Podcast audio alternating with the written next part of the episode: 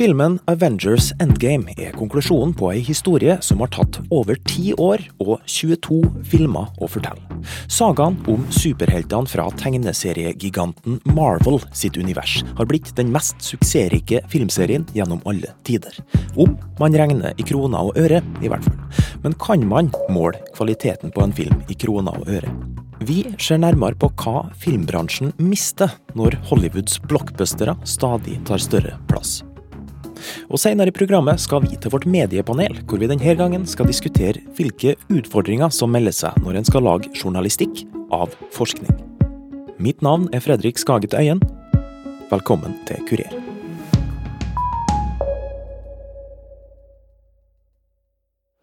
Imponert. Bra. God avslutning. Kanskje ikke like bra som den forrige, men eh, det var en verdig slutt. Det, det her var en god slutt på, eh, på Det første, første runde med store filmer av dem. Jeg tok fri fra skolen for dette her. Ja.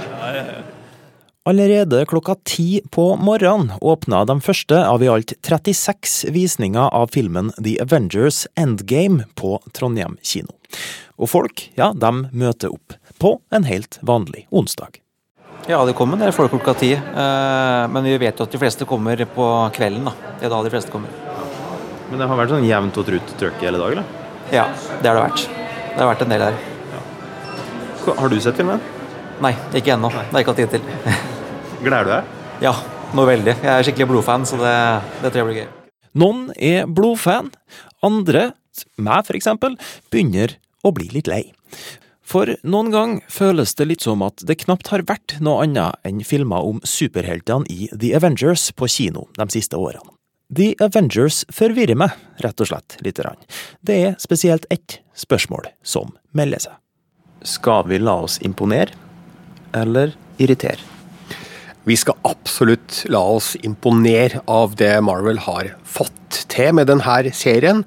Filmkritiker i NRK, Birger Vestmo. For eh, da de starta med den første Iron Man i 2008, så var det vel ingen som kunne forestille seg rekkevidden av den suksessen de da starta på, og som de har greid å beholde gjennom elleve år. Ja, og siden det har gått elleve år siden starten av det her, la oss ta en liten oppsummering. I 2008 kom altså filmen Iron Man, hvor vi stifta bekjentskap med superhelten Iron Man. I am Iron Man. Senere samme år kom filmen om Hulken, hvor vi ble kjent med ja, Hulken. Så fikk vi bli kjent med superheltene Thor og Captain America, som òg fikk hver sin film. Og i 2012 kulminerte det her i filmen The Avengers, hvor alle superheltene vi hadde blitt kjent med så langt, ble samla i én og samme film. How do we do this? As a team, I have unfinished business with Loki. Yeah? Get in line. Save it. Det her ble en såpass stor suksess at det kom flere filmer satt i samme univers. Til sammen er vi nå faktisk oppe i 22. No, you intimidate them. Good God, you're a woman. 22. Is it better to be feared or respected? 22 ekstremt dyre blockbustere som utspiller seg i samme univers, og som på et vis overlapper hverandre og forteller deler av den samme større historien. Tony Stark. Now you work for me. Og når vi ser på publikumstallene og det disse filmene tjener inn av kroner og øre, eller dollar først og fremst da kanskje i Hollywood, Ja, for det er rett og slett ikke måte på hvor mye de har tjent. De første 21 filmene har til nå tjent over 153 milliarder kroner, noe som er mer enn bruttonasjonalproduktet til Moldova og Malawi til sammen. Om vi regner med den 22. filmen, det sies jo nå at Avengers Endgame kommer til å bli den eh, mest innbringende Marvel-filmen til nå, ut ifra forhåndsspådommene. så kan vi helt sikkert føye til bruttonasjonalproduktet til enda et afrikansk land. Og um, da er det ingen Hollywood-direktører som sier at nei, nå er det nok. Nå slutter vi. Nå må vi finne på noe annet her. Produksjonskostnadene til filmene er relativt sett beskjeden. De tilsvarer kun bruttonasjonalproduktet til Sierra Leone, eller 34 milliarder kroner. Nok en gang syns jeg det er på sin plass å stille spørsmålet Skal vi la oss imponere, eller irritere? Hva med begge deler? Førsteamanuensis i filmvitenskap ved NTNU, Christer Andresen. Det er jo for det første imponerende at de har holdt det gående så lenge. Det er selvfølgelig irriterende at det sannsynligvis fortrenger en del annen film. Jeg er vel, en, jeg er vel sånn midt imellom imponert og irritert. Ja, for at en filmserie tar så stor plass som Avengers-serien gjør, må jo gå på bekostning av noe. Hvis man bare skal lage filmer for å trekke inn flest mulig folk og tjene mest mulig penger, så vil jo det nødvendigvis gå på bekostning av andre typer filmer. Og man ser jo i Hollywood i dag at uh, den såkalte mellomfilmen er nærmest utradert. Nå lages det enten digre blockbustere eller små independent-filmer. Og det har jo ført til et litt smalere filmtilbud enn det vi en gang hadde fra USA, i hvert fall. Eh, og i Norge er det jo en debatt om det der. At eh, vi, vi, vi har jo fått våre egne blockbuster-filmer. Altså vi har Amundsen, vi har Skjelvet. Um, um, samtidig som det kanskje er vanskeligere å få finansiert de som koster litt mindre penger. Eller ganske mye mindre penger, faktisk. Um, men som ikke er helt sjølfinansiert. Altså det er vanskeligere å få statsfinansene inn i mellomfilmen, da. Ikke sant. og det kan være et helt opplagt problem. Altså, du, du, du, ser jo hva uh, folk som Joakim Trier gjør når, når, de skal lage filmene sine. Det er jo en svær sammenkobling av uh, europeiske finanser. Uh, det holder ikke med ett land som sier OK, vi vil lage den. Det er sju, åtte, ni, ti. Ikke sant. så det er ikke så lett å få, finansiert sånt i Norge lenger. Nå elsker jeg blockbustere. Har alltid gjort det. Har ingenting imot store, dyre, effektdrevne blockbustere på kino. Men eh, jeg ser jo at vi òg må ha rom for de litt mindre filmene som forteller andre historier med et, et mer fokus på det, det, det, menneskelige og det indre da, enn det vi får i de store, sukkerrike Hollywood-filmene som Avengers Endgame eh, er en del av. Ja, for det der sier jo noe, syns jeg. Det med sukkerrikt. For det føles jo litt ut som Det er brus, på et vis. Ja, det Det har jo endra måten film lages på. Jeg har prøvd opp gjennom åra å vise eh, gamle filmer til mine sønner, som nå er i tenåra, og jeg merker fort hvordan de begynner å kjede seg når det ikke skjer noe på en stund i en film. For de er jo flaska opp med typen Marvel-filmer, der det er høydepunkt etter høydepunkt etter høydepunkt med kort tid imellom hvert av dem. Og um, klart, når du ser en eldre eldre film, så går det gjerne en time med oppbygging av historien før det braker løs med noe action. Og det fungerer ikke så godt lenger da for den yngre garde. Frem til nå har jeg prøvd å fortrenge lysten til å stille dette spørsmålet. Nå klarer jeg rett og slett ikke å holde meg lenger. Var ting bedre før i tida? Det er et, nesten utelukkende et fokus på å tjene penger.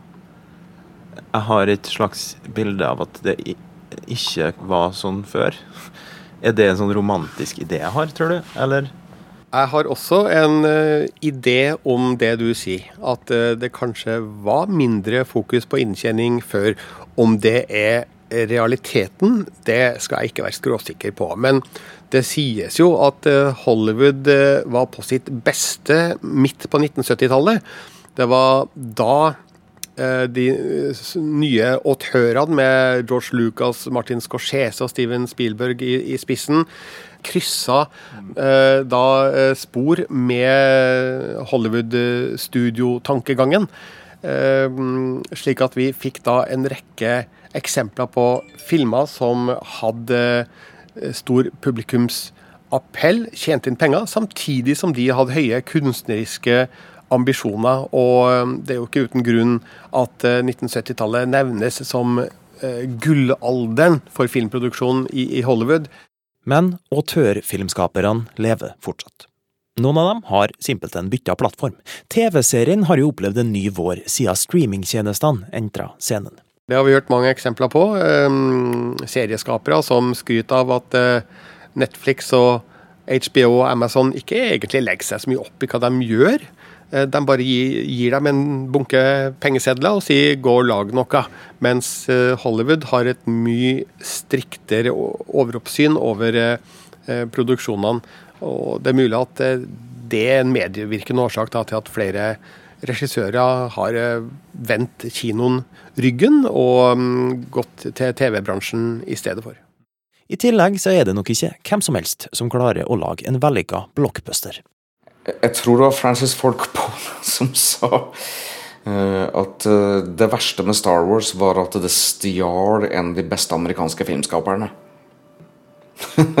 Fordi han syntes George Lucas var en veldig talentfull filmskaper, men skulle lage noe annet enn Star Wars.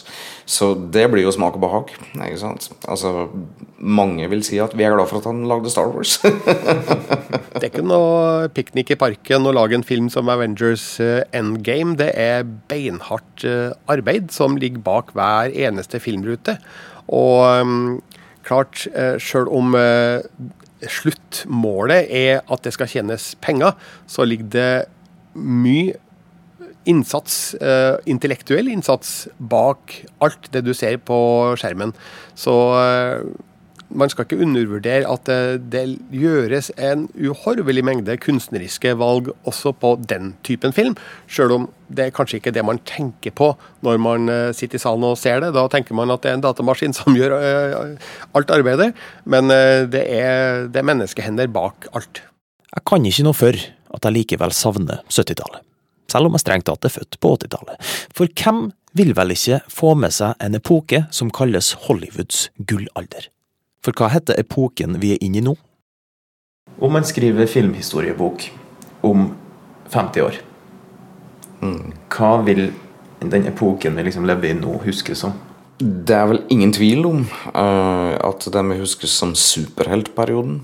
Hva er greia med superhelten? Hva sier en film som Avengers Endgame om oss? Hva er det med superhelten som er så fascinerende? Altså, jeg tror vi trenger noen å se opp til. Og selv om eh, vi ikke tror på at det skal komme en Avenger og redde oss, så er jo tanken på eh, supermennesker besnærende. Og de, eh, de har egenskaper som vi kan drømme om å ha sjøl i visse situasjoner. Men superheltene speiler jo også samfunnet vi lever i. Altså, det handler jo ikke bare om fantasifull action i disse filmene. Det handler om samhold og tilhørighet. Eh, det er fokus på vennskap og familie, og hvilke veivalg vi foretar oss i livet, og hva det gjør med oss. Eh, det er jo ting som også disse superheltene blir stilt overfor eh, i, i, disse filmene, og det er vel det som gjør at vi kan relatere oss til dem. Ikke at de kan fly eller skyte laserstråler eller eh, hva som helst. Det er deres menneskelige sider som gjør dem populære for oss. Ikke først og fremst deres superheltegenskaper, tror jeg, da. Christer Andresen foreslår en enda enklere forklaring. Um, jeg, jeg, tror det, det, enkleste jeg kan si, er at jeg har lyst til å være sånn. Mm. Til og med når superheltene har det helt forferdelig, uh, og alt, alt, er beksvart, som uh, Bruce Wayne, så er det en del av meg som har lyst til å være Batman. La meg kjenne etter. Jo da, jeg har litt lyst til å være Batman i dag òg. Det er utvilsomt noe besnærende med de her overmenneskelige menneskene. Så det er kanskje ikke noe skam i å drømme seg bort i en superheltfilm i ny og ne. Jeg gleder meg til å se den siste Avengers-filmen. Men jeg skammer meg bitte litt òg. Nå skal vi over til mediepanelet vårt. Denne ukas deltakere er journalist Mona Sprenger, distriktsredaktør for NRK Trøndelag Merete Wærstad og nyhetsredaktør i Trønderavisa Fredrik Mandal. Temaet i dag er forskningsformidling. I dag skal vi nemlig snakke om en av påskas aller mest delte saker på sosiale medier. Utgangspunktet var en forskningsrapport fra et tysk institutt, der konklusjonen var at elbil har et større CO2-avtrykk enn dieselbil. Så kom reaksjonene. Norske og internasjonale eksperter sådde tvil om kvaliteten på forskninga i rapporten. Og jeg kan ikke nå før at jeg føler litt med journalistene i denne saken. Forskninga er jo fra et anerkjent tysk institutt. Hvordan skal journalisten vite at den ikke er bra nok?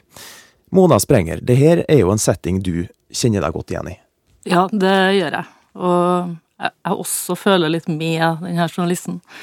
Sjøl har jeg jobba med ja, formidling av forskning i over ti år, i hvert fall. Både som journalist i Teknisk Ukeblad og som kommunikatør. Har skrevet for forskningsinstitusjoner og skriver i dag for eh, Gemini, som er fagbladet til NTNU og Sintef. Hva er egentlig det første du gjør når du får tak i en slik forskningsrapport? Det første man må gjøre, er å se på hvem er det som er avsender her. Er det et seriøst forskningsinstitutt? Hvorfor kommer den nå? Det, som regel så er det jo i forbindelse Det kan jo være i forbindelse med et arrangement eller en lansering. Men det er jo først og fremst eh, hvem er det som står bak, som er det viktigste. Men på den andre sida så er jo Jeg skjønner jo den saken her, fordi er det noe som gir klikk i dag, så er det jo elbiler og diesel og Tesla. Og det tilsynelatende så er det jo her et eh, solid forskningsinstitutt som står bak. Ja, for det er jo det. Ja. Men, men, likevel så er det altså veldig viktig å være kildekritisk. Og en kan jo ikke som journalist begynne å gå inn og verifisere en forskningsrapport. Det, det har han rett og slett uh, ikke tid til. Og han er heller ikke de, de færreste har den kompetansen. Men har han jobba mye med og skrevet om det området der over tid, så ville de jo visst at her eksisterer det veldig mange andre forskningsrapporter som sier det motsatte. Hvorfor kommer den her nå, og hva gjør at de får en annen konklusjon? Mm. Hva er det du vanligvis gjør da for å verifisere en sånn rapport? Som journalist så ville jeg her Og hvis det har vært et område jeg har jobbet mye, så har jeg villet tatt kontakt med Elbilforeninga. I det tilfellet her, da. Det er jo vanskelig å si hvis man ser at uh, konklusjonen er litt annerledes enn det tidligere rapporter har vært. Hvis man skal skrive som Men sitt på desken, da, så har du dårlig tid, og du skal legge ut, og det her er en seriøs rapport. Uh, men det er en internasjonal rapport, så, så man kjenner ikke forskningsinstitusjonene på samme måte som man kjenner dem i Norge. Så sånn sett så bør den jo en litt, uh, gjøre en liten research før man begynner med den. Ja. Mm. for man er jo ikke den første som skriver om den. Ikke sant? Ja, og den research, den burde vel ha vært gjort her, da. At en har lest seg litt om hva har vært skrevet om det tidligere. Merete Wærstad, kjenner du deg igjen her? Ja, jeg gjør det. Og det var veldig godt å høre Mona, da, som er proff forskningsjournalist, også innrømme at dette er vanskelig. Eh, jeg kommer jo fra nyhetsjournalistikken. Eh, og der jobber vi med alt. Der skal vi jo være eksperter på alt, også på forskning. Eh, jeg sjøl har gått i det bare der. Jeg tror at noen av dem som har vært sintest på meg eh, da jeg var utøvende journalist, det var nettopp forskere. De ble så veldig, veldig sinte. Eh, og da føler man seg veldig dum når man får kjeft av en forsker.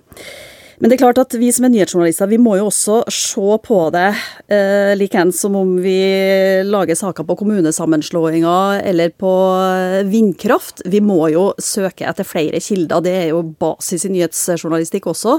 Eh, så det er vi jo nødt til. Men for oss, særlig i NRK, da, så synes jeg, tror jeg kanskje at den største utfordringen er på radio og TV. Eh, for der er det kortere sakene. Der skal sakene ofte være kortere, i hvert fall i nyhetsinnslag.